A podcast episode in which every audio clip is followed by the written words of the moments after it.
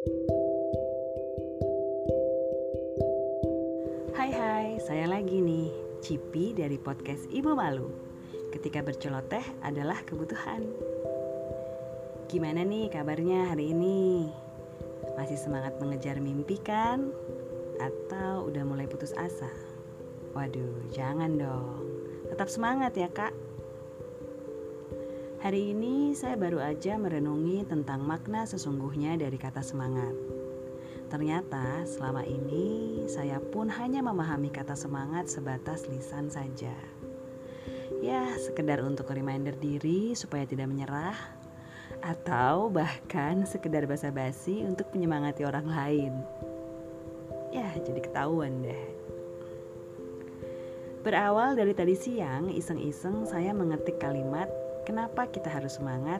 di kolom pencarian Google dan saya menemukan satu artikel menarik dari hariansuara.com yang judulnya ini pentingnya semangat ada. Itu kan judulnya aja udah bikin semangat. Saya sih nggak akan bacain semua isi artikel itu ya. Saya cuma mau berbagi beberapa kutipan yang bikin saya terhenyak saat membaca artikel itu. Waduh, berat banget ya terhenyak. Salah satunya adalah kalimat ini. Semangat adalah kekuatan batin yang diwarnai oleh gairah untuk berjuang mencapai tujuan yang bermanfaat. Semangat muncul karena adanya kesadaran dalam hidup yang bermakna. Hmm, benar juga sih. Karena sebetulnya semangat itu kan biasanya muncul dari spontanitas ekspresi apa yang kita rasakan. Gak mungkin dong kita sengaja menciptakan semangat. Contohnya nih, saat kita tahu Meli Guslau berhasil menurunkan berat badannya, mendadak kita jadi semangat diet. Atau saat udara cerah, kita jadi semangat 45 buat cuci baju.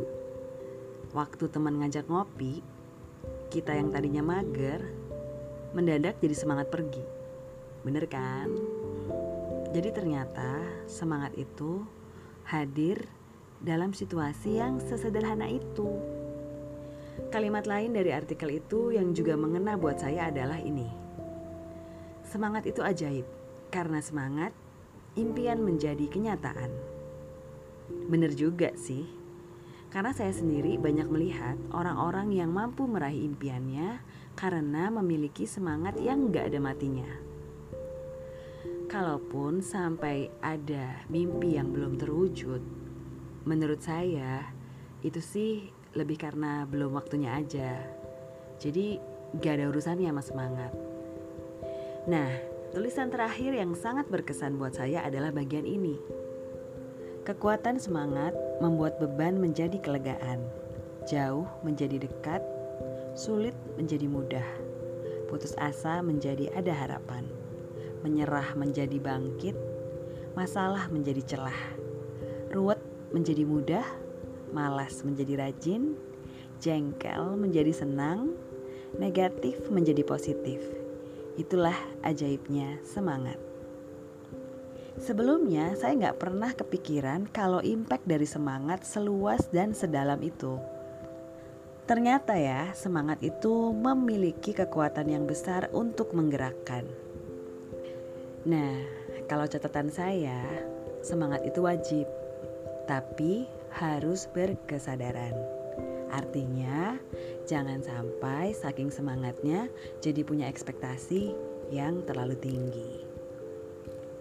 Jadi kesimpulannya, tetap semangat dan enjoy the process. Sampai sini dulu episode kali ini. Sampai ketemu di episode Ibu Malu lainnya. Dadah. thank you